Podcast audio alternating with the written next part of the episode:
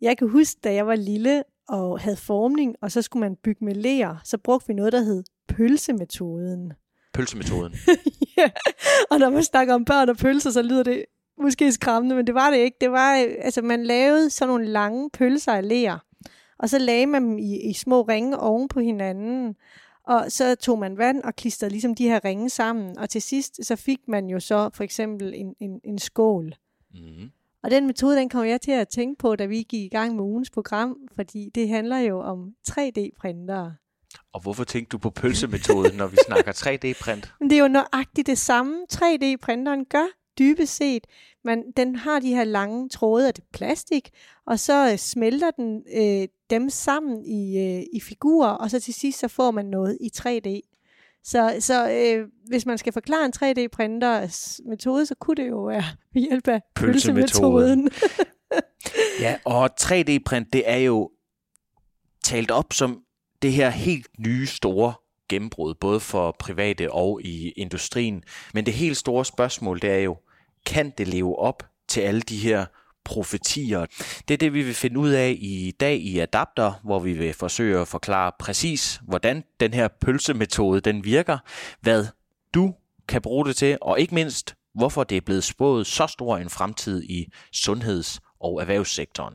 Blandt andet så tager vi forbi Aarhus Universitetshospital, som det første hospital i Norden har de nemlig fået et øh, printcenter, der kan printe kæber og hofter. Og så skal vi også hjem til min kammerat, som er ingeniør og hobby 3D-printer entusiast. Hvis du vil læse mere om det her, så gå ind på avisen Danmark.dk, hvor du, Emilie, virkelig øh, folder dig ud om 3D-printere. Ja, og jeg synes også, at jeg har samlet en hel masse øh, spændende billeder fra vores tur til Aarhus Universitetshospital, hvor man virkelig får et indtryk af, hvad det er, øh, de kan. Mm. Og det er jo lidt svært på lyd at forklare præcis, hvordan sådan en 3D-printer virker. Og derinde, der kan du, du både se billeder og video, og så kan du øh, se en model af en 3D-printer, som du selv kan klikke rundt i og, og finde ud af, hvordan sådan en øh, dur og ser ud. Ja, den er ret imponerende, den der model. Men Emilie, skal vi ikke starte hjemme hos min 3D-printerven? Det synes jeg er en god idé. Det er Frederik Møller Jensen, og han er ingeniør. Han er min gamle barndomsven, og han vil prøve at forklare os, hvorfor han bruger en 3D-printer, og selvfølgelig, hvordan den virker. Frederik Møller Jensen. Vi sidder på dit stuegulv i Aarhus, og øh, foran os, der har vi din 3D-printer. Det er korrekt. Er det mærkeligt, at vi sidder her og gør det her, i forhold til, hvad vi plejer at lave? Nej, egentlig ikke. Fordi at øh, nu på studiet, der er det egentlig sådan meget fælles mødepunkt. 3D-printeren. Vi er, jeg tror næsten alle sammen, vi har en. Det er godt, så du er tryg, i, ja. i, så længe du har øh, 3D-printeren i, i nærheden. Så længe 3D-printeren er her, så er jeg tryg. ja, det er noget andet, jeg har. Men okay, nu er du jo entusiast, men jeg tror, vi bliver nødt til at starte helt fra bunden for at få alle lytterne med. Øhm, en 3D-printer er jo ikke en 2D-printer, hvor det bare er papir, der kommer ud med, øh, med tegninger eller billeder eller whatever på. Kan du ikke i, på den simpelste måde forklare, hvad en 3D-printer er? Jo, altså det, det skaber nemlig, altså selve navnet skaber tit forvirring, fordi at øh, når, man, når, når man nævner ordet printer, så forbinder man det med en almindelig printer, som printer papir. Og det gør den her slet ikke. Altså, øh, en 3D-printer, den printer som oftest med i plastik. I hvert fald de gængse 3D-printere. Og den fungerer egentlig meget, meget simpelt. Så den har tre akser, og den kan bygge en geometri op ved at bygge lag på lag på lag på lag på lag på lag. Gør man det på den rigtige måde, så bliver det så til den geometri, man ønsker. Ja, altså, vi kan jo prøve at starte den. Forklar, hvad du gør. Man kan meget let komme i gang. Man kan købe en 3D-printer, og så kan man, og den koster, den jeg har, den koster 1300 kroner. Den hedder Creality Ender 3 Pro. Det er nok, jeg tror, det er en af de mest solgte øh, hobby 3D-printer.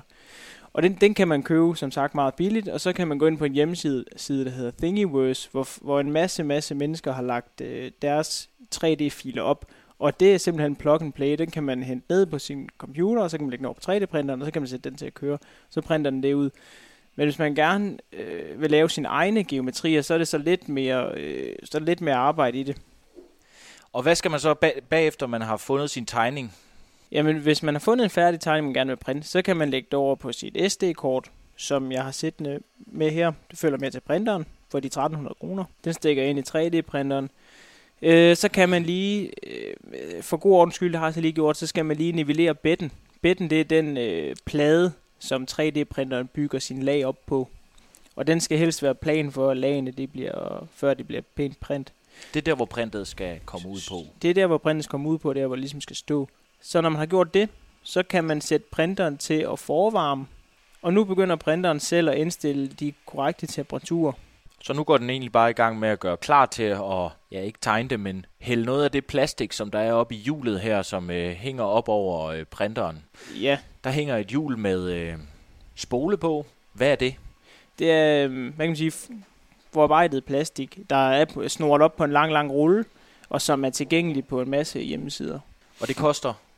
Jeg tror, den der rulle den koster 170 kroner. Det er for et kilo. Og det, det, den rækker lang, lang, lang tid. Det er så det, der i normal printer ville være papiret. Ja, det, ja, det vil det være. Øh, og så, så øh, sætter du det til printeren, og så er det det, den bruger, varmer op og sprøjter ud på din bedpladen, som, som det skal komme ud på. Præcis. Prøv at sætte den i gang. Jamen nu kan man så se her på displayet, at nu er printeren ved at have nået den temperatur, som at vi gerne vil printe med. Og så kan man så vælge den, øh, ja ligesom hvis det var en almindelig printer, så kunne man vælge den øh, pdf, man gerne vil printe ud. Så her der kan vælge man så den G-kode, altså den geometri, man gerne vil printe ud. Nu prøver vi at tage den her. Det er en lille hund, jeg har printet til min kammerat. Nu kan du sådan se, at den går i gang. Og så kører den plade, hvor at vi skal have vores øh, French Bulldog, eller hvad det er, vi, vi, vi printer lige nu. Er det, var det ikke det? Jo. Den kører ligesom frem og tilbage, samtidig med, at det her øh, printerhoved kører rundt om, øh, om pladen. Og der er allerede begyndt at komme øh, lidt plastik ud.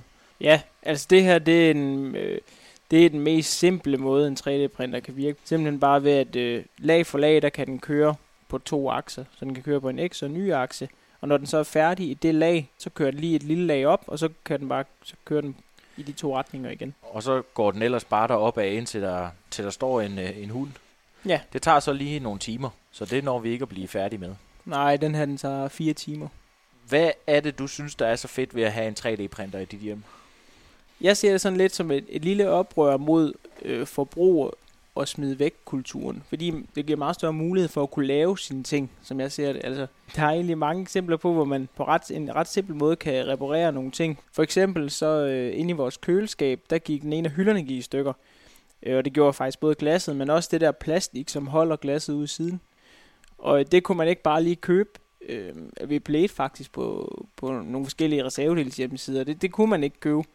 Så i stedet for, så printede vi så ligesom nogle nye indsatser, og så kunne vi, øh, så, kunne vi så bruge de 3D-printede indsatser til at sætte øh, glasset ind i, og på den måde så fik hylden ligesom og køleskabet et, et liv igen. Og så, altså, jeg, jeg har jo også en kæreste, øh, som jeg bor sammen med, og ligesom for at få det igennem og have en 3D-printer stående i soveværelse, så bliver man jo også nødt til at printe nogle ting hertil. Ja, altså vi sidder, som jeg sagde, på stuegulvet, men den står normalt inde i soveværelset. Så, Ja, ja og, det gør den. og måden, du har fået lov til, Ja. Ja, det er jo simpelthen at så donere nogle print, kan man sige. hun kan komme med et eller andet design, som hun har inde i hovedet. Hun har måske kigget en masse, hun har brugt timevis på at kigge ind på Pinterest eller en eller anden hjemmeside. Og hun har ikke lige kunne finde det design, som hun går med op i hovedet, som hun synes er flot. Hvis jeg har forstået, hvad hun mener, så kan jeg jo gå ind og tegne det i et 3D-program. mm. Og så kan vi printe præcis det design, som hun synes er pænt. det må eddermame give mange øh, pluspoint i bogen. Ja, men det, det er også det, der skal til. Altså, for man kan sgu hurtigt komme i minus. ja, det kan man jo. Ja, det var Frederik Møller Jensen, som printer, ja, en, i det her tilfælde en lille hund.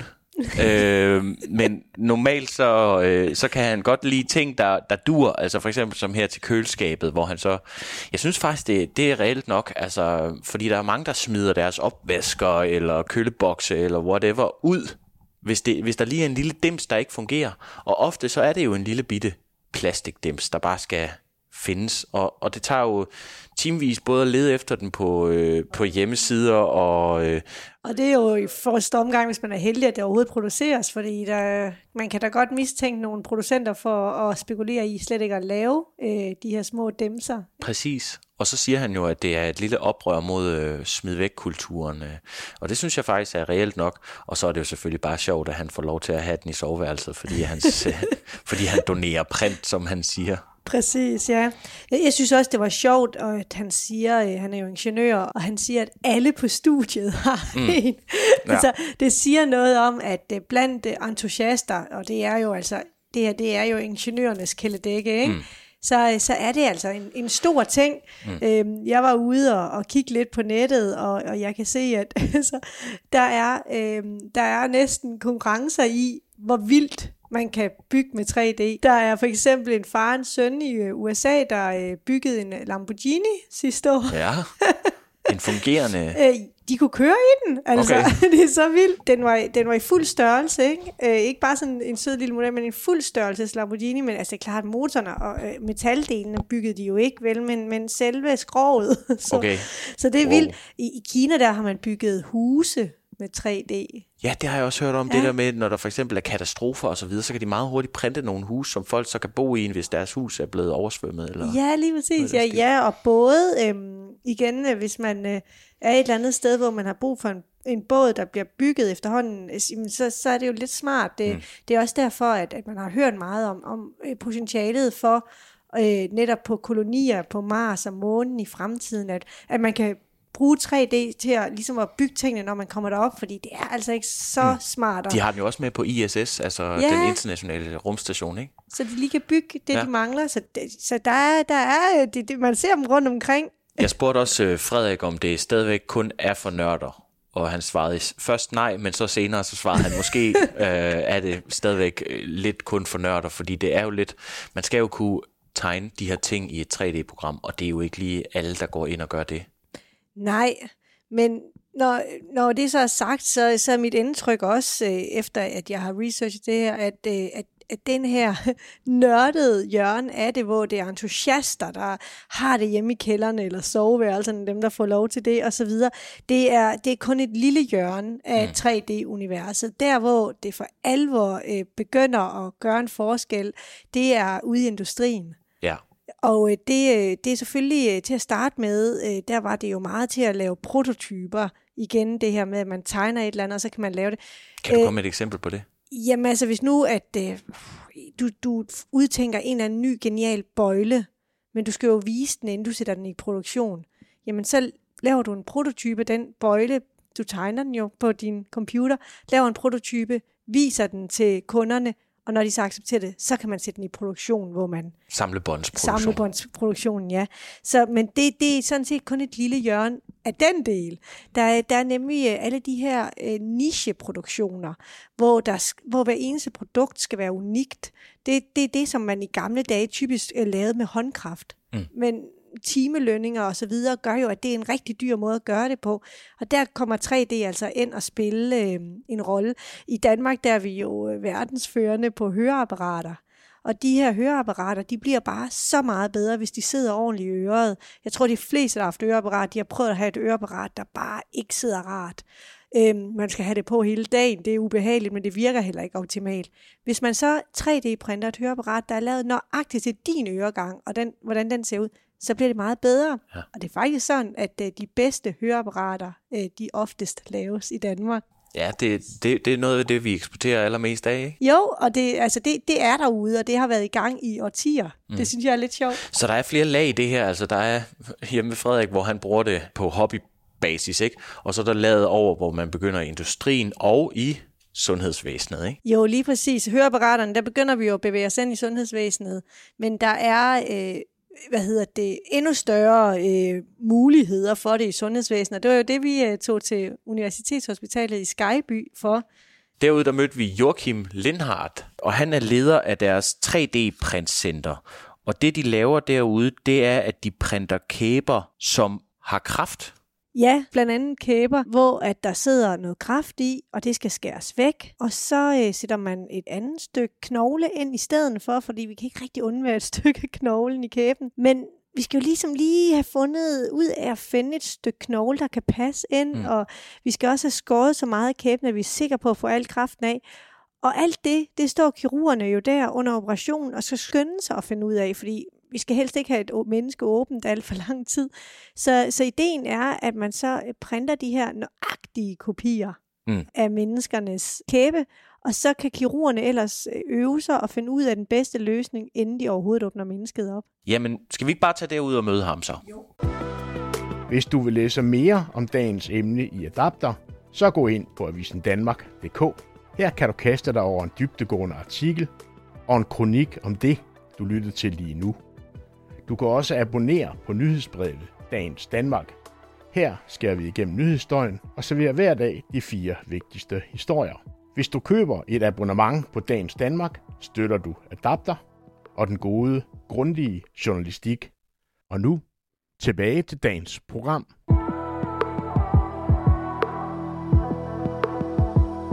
Vi er nu på Skyby ja. i det nordlige Aarhus, og vi er sammen med dig, Joachim Lindhardt. Og hvad er din øh, stillingsbetegnelse her? Jamen, jeg er centerleder for 3D-printcenteret på Aarhus Universitetshospital. Og Emil, kan du ikke lige øh, fortælle os, hvorfor vi er her? jo, det Du kan ser jeg. nemlig meget, meget... Øh, dine øjne gløder, da, du, da vi trådte ind i Joachims kontor her og så alle de her øh, udskæringer og 3D-print. Der er jo lidt Frankenstein over det, ikke? Jo, det er der faktisk. Der, er kæber og alle mulige knogler over det hele, ja. Vi alle sammen har jo haft uh, biologi på et tidspunkt, og så hæng, hænger der sådan et skelet uh, inde i skabet. Ikke? Hvis nu man forestiller sig sådan et skelet, men det er bare lavet nøjagtigt efter dit skelet. Det er sådan cirka det, som der ligger herhen langs bordet efter, ja, herre fru Jensen, siger du. Så vi, vi har at gøre med nogle 3D-printede skeletter, som Joachim han har lavet. Af for eksempel her er det en underkæbe, men det spændende ved den, det er jo, at den her den tilhører et eller andet menneske derude, der har haft øh, kæbekraft. Ja, Og hvor, hvorfor er det smart at lave sådan en 3D-print af en, af en kæbe? Jamen, det er rigtig smart for lægerne, fordi der er ikke nogen patienter, der ligner standardmodellen. Det er selvfølgelig meget nemmere, hvis man ligesom har et fælles at snakke ud fra, øh, og hvis det fælles så er, er fysisk, og man ligesom kan tage noget så simpelt som at sætte en blyantstreg og sige, det er altså her, vi har tænkt os at skære, så er alle ligesom enige. Det er meget, meget håndgribeligt. Derudover så er der jo en helt vildt stor effekt af patientinformation i det. Fordi hvis man kan sidde med en model af ens egen kæbe eller lårben eller hjerne, hvad det nu måtte være, og sige, det er altså her, kraftknuden sidder, det er her, din arm er brækket, så er det meget, meget nemmere at forstå. Man kan sige, en, en, en yderligere fordel er, at vi har mulighed for at 3D-printe det her på forhånd. Det giver en stor øh, tidsbesparelse på operationen. Kan vi spare en halv time, hvilket vi har vist, vi kan, så mindsker vi risikoen ret markant for infektioner, og vi kan se, at vi har kortere helingstider og så videre, så videre. Så det er helt sikkert den vej, vi ligesom skal. Altså, I printer ikke hele kæber til folk? Øh, nej, det er ikke implantater øh, endnu, vi laver. Øh, indtil videre, så er det de her modeller og de her skæreguides. Okay. Kommer der et tidspunkt, tror du, hvor at I kan simpelthen printe en helt ny kæbe til øh, herre og fru Jensen? Ja, altså det håber jeg på. Der kommer i hvert fald et tidspunkt inden for en meget overskuelig fremtid, hvor vi kan 3D-printe implantater til folk. Vi har gang i et projekt i øjeblikket sammen med Teknologisk Institut, der gør, at vi forhåbentlig kan, kan sætte 3D-printet titaniumimplantater i patienter om to år af vores... Øh, Interessant. Jeg Men- tænkte på, hvor er printerne henne? De står lige øh, øh, rundt om hjørnet. Øh, her ja. inde bag døren. Det er ellers et mødelokale, står der på døren. Det Men er ja. altså et mødelokale, ja. Øh, Nå, her er vi så. Emilie, beskriv lige for mig, hvad vi kigger på. Øh, ja, men øh, vi kigger jo på noget, der det, det ligner sådan lidt nogle øh, terrarier eller sådan noget. Øh, der er noget, noget orange plastik, og så kan man jo så se, at der er, jamen jeg ved snart ikke, Janus, en bund. Kan, kan du forklare Det hedder mig, en bed. en bed? Ja. Er det ligesom, når man ser de her hobby 3D, hvor der kommer øh, en, et tyndt øh, lag plastik, og så hele tiden bygger oven på hinanden, eller hvordan? Øh, både over, man kan sige, alt 3D-print er, er lag på lag på lag. Øh, forskellen er så, hvordan man får lagt de her lag. Øh, de printer, du beskrev før, øh, tager den her, øh, det ligner en forvokset syrulle, øh, eller sytråd, der så bliver øh, trukket ned, og så bliver det smeltet, og så bliver det så lagt lidt ligesom en computerstyret limpistol. Hvor den her type plastik, den øh, hærder ved hjælp af lys, så der sidder simpelthen en laser nedenunder, og så øh, lyser op på det her væske, så det hærder. Øh, grunden til, at vi gør, bruger den her type printer, er, at vi kan printe øh, biokompatibelt. Altså vi kan Mm. printe de her seriegrides, som vi kan putte i folk. Langt de fleste øh, materialer, der findes i de her andre øh, trådprinter, hobbyprinter, er ikke biokompatible, så det må vi altså ikke sætte i mennesker. Så det, den slags printer bruger vi til at, at lave øh, de her skuemodeller. Det er blandt andet sådan en printer, der står... Øh, Ja, her står der et kæmpe monstrum. Er det bare en printer, det her, eller hvad? Det er en printer. Øh, hvor Hvad, kan hvad har du givet for den, bare lige? Øh, de er ikke så frygtelig dyre. Den der koster cirka 100.000. Okay, Øh. det er faktisk ikke så slemt, som jeg troede. I medicinsk udstyrs verden Ja, er det jo det var det. øh, lommepenge. Ja, der er det jo en helt anden øh, skala, vi skal op i. Hvor man kan sige, øh, fordelen ved det monstrum her, det er, at vi kan printe stort. Så nu kan vi begynde at, at printe hele bækkener, hele øh, brystkasser og lårben og, og så videre. Øh, Nu står de jo ikke i gang, men øh, hvis de er i gang, hvor lang tid tager det at printe en kæbe, for eksempel? En kæp kan vi printe på øh, 4-6 timer, øh, hvis, det, hvis den bare skal være, være i en farve. Øh, hvis vi så skal til at, at lægge flere forskellige farver i på grund af kraftknuder, eller at kirurgen har ønsket at få tegnet et eller andet ind, øh, så tager det selvfølgelig længere tid. Men som sagt, så er det her vores store maskineri, og så har vi lidt øh, mindre, lidt, lidt længere ned ad gangen. Lad os prøve at gå ned og se det så. Endnu et mødelokale.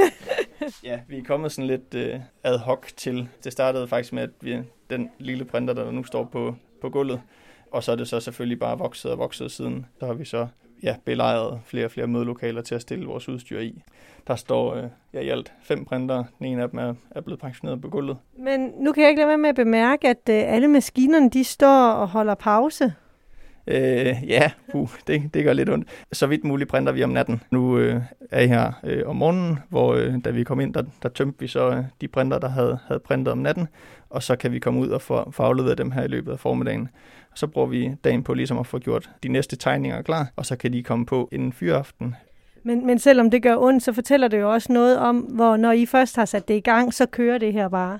Fuldstændig. Der var modeller, der har taget øh, et sted mellem 100 og 150 timer at printe. Hvor det er klart, dem sætter man selvfølgelig over weekenden, og så er de jo færdige onsdag torsdag næste uge. Hvor, hvor kommer din øh, interesse for det her 3D-print fra? Jamen, den kom øh, meget, meget tidligt under mit ingeniørstudie, hvor jeg øh, egentlig blev ansat i øh, universitetets 3D-print-laboratorie. Men det er jo den her fascination af, at man kan få en idé i dag, og så kan man egentlig have en, en prototype i morgen. Og hvis vi så forfiner den prototype, så bliver den rent faktisk funktionel, og så virker den. Altså nu, nu gjorde det lidt ondt på dig, at de her ikke, ikke dur, så, eller ikke, de dur, men de ikke kører lige nu. Er det sådan, at du kunne printe kæber dag ud og dag ind, øh, eller hofter dag ud og dag ind? Øh, Er der nok at lave for dig? Det er der bestemt. I øjeblikket er vi, er vi to ansatte, så altså, vi kunne ja, ansætte i rask væk, og vi skulle nok kunne finde på noget at lave. Det er jeg slet ikke i tvivl om. Så I, I, I har ikke nogen øh, jobansøgninger lige nu, men det kan, de kommer? Øh, vi har mange ansøgninger. Ja, ansøgninger, men I søger ikke nogen? Vi har ikke øh, aktuelt noget opslag. Øh, Er du interesseret, Janus? Eller Nej, hvad? jeg ved ikke øh, overhovedet, hvor jeg skulle hverken starte eller slutte, øh, men øh, det er da meget spændende at høre om, om der, er- der er nogen, der gider at benytte sig af øh, det her 3D-print, når, man, når det nu er kirurgen, du er afhængig af, der også skal være med på den, ikke? Ja, det er der bestemt. Lige nu, hvor vi, hvor vi er to, øh, er vi i berøring, man skal sige, med, med cirka 150-200 patienter om året. Men det er fandme sjovt, at I bare er blevet smidt ind i mødelokalerne også. Lidt, som du også siger, ad hoc. Det er også nyt for folk her på Skyby, selvom det er et supersygehus, og, og ja, så moderne, så moderne. Ja, det er det. Man kan sige, at 3D-print er egentlig ikke så frygtelig nyt, men det nye er ligesom den her in-house produktion. Altså, det er noget, vi har, har inden for husets fire vægge. Men, men det er rigtigt, det er nyt for kirurger, at det er så tæt på, og vi leverer dag til dag. Jeg tænker bare, hvis du havde alt det legetøj i verden, kunne du lave et helt nyt øh, ben til mig? Eller Både og, man kan sige, den øh, næste rigtig store milepæl vil selvfølgelig være, hvis vi kan begynde at printe organer, eller printe øh, blod over. Øh, Det hører man jo om. Er det noget, der sker rundt omkring i verden? Det sker i øh, relativt mange forskningskældre rundt omkring i verden, og der bliver også lavet øh, dyreforsøg, der også ser relativt lovende ud. Man kan sige, at vi, vi er der ikke endnu, Tak for øh, det, Joachim. naturligvis.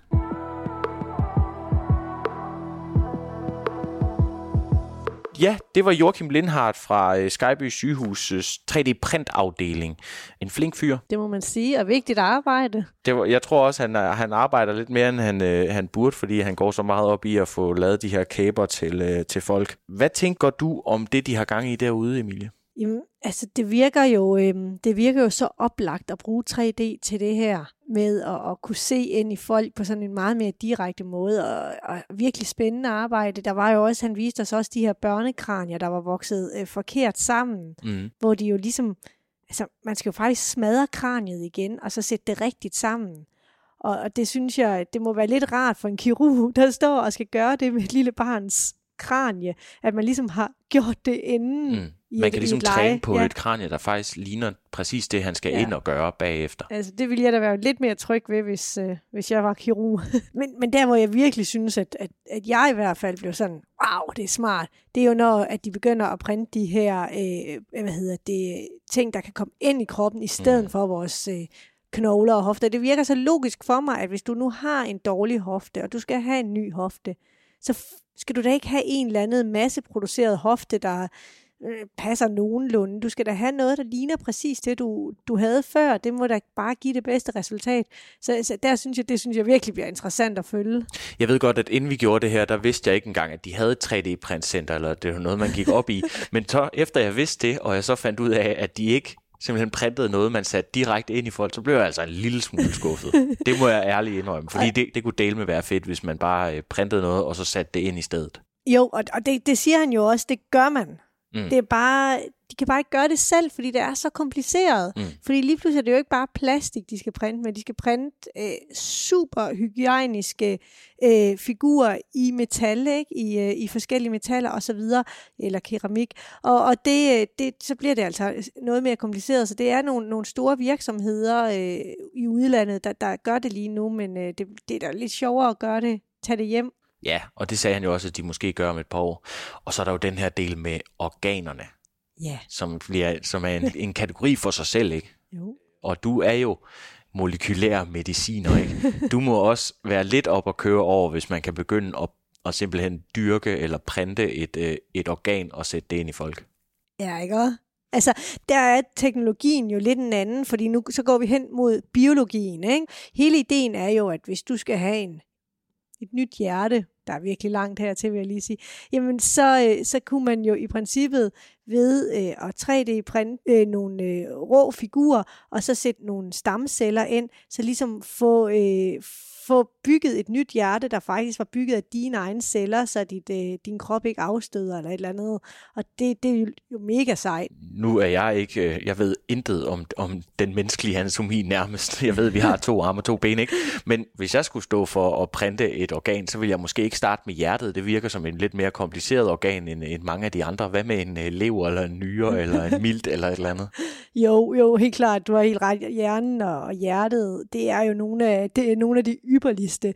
Altså, men når du så siger det som om, at, at en lever, det er ukompliceret, så vil jeg bare lige sige, det, det er det heller ikke. Men altså, øh, skulle, man, øh, skulle man se at sætte årstal på, så vil jeg da nok sige, at øh, sandsynligheden for, at vi kan gro øh, ret menneskelige hjerter i grise om nogle få år, eller et eller andet, er nok større, end at, end at vi laver dem om 3, øh, med 3D-print lige om hjørnet. Øh, og som sagt, så er det også en noget anden teknologi, end den her teknologi, som han havde derude med, med plastiktråde og så videre.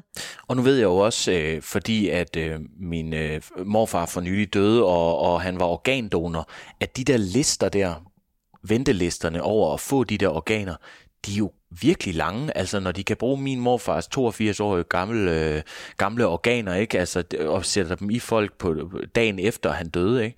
Så, så, så begynder det altså at, at batte noget, hvis man bare så kan printe dem, tænker jeg.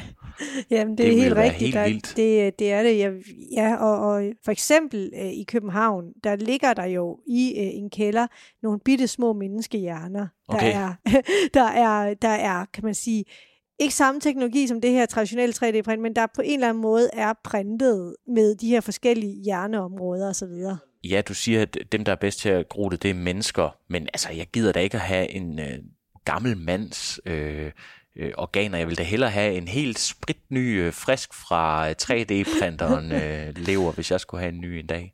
Ja, det vil du måske om nogle år, men lige nu tror jeg nu, at Ja, ja, hellere, du vil Nå have ja, den jeg vil da gamle. hellere have en frisk end en gammel.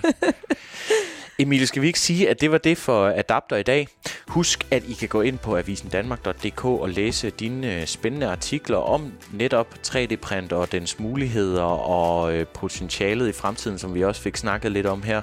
Og I kan finde os på Spotify, Apple Podcast, på avisendanmark.dk og på Google Podcast. Husk også at gå ind og abonnere på øh, Dagens Danmark. Det er et nyhedsbrev, som udkommer hver eneste dag omkring kl. 18, hvor øh, dygtige journalister som dig, Emilie, giver jer fire af dagens vigtigste nyheder, fortalt med en masse perspektiv og fra vidne journalister. Og til dig, der lytter med, som godt kan lide at, få det i lyd, så er Dagens Danmark altså også uh, altid optaget lyd. Så hvis man ikke har tid til at læse det, så kan man faktisk uh, trykke på startknappen derinde og, og høre dagens fire vigtigste. Det kunne være smart på, øh, på vej til arbejde. eller på vej hjem fra arbejde er det jo så. Eller lige når du står og laver mad der klokken 18. Det giver ja, der er mange mening. muligheder. Ja. Tak fordi I lyttede med.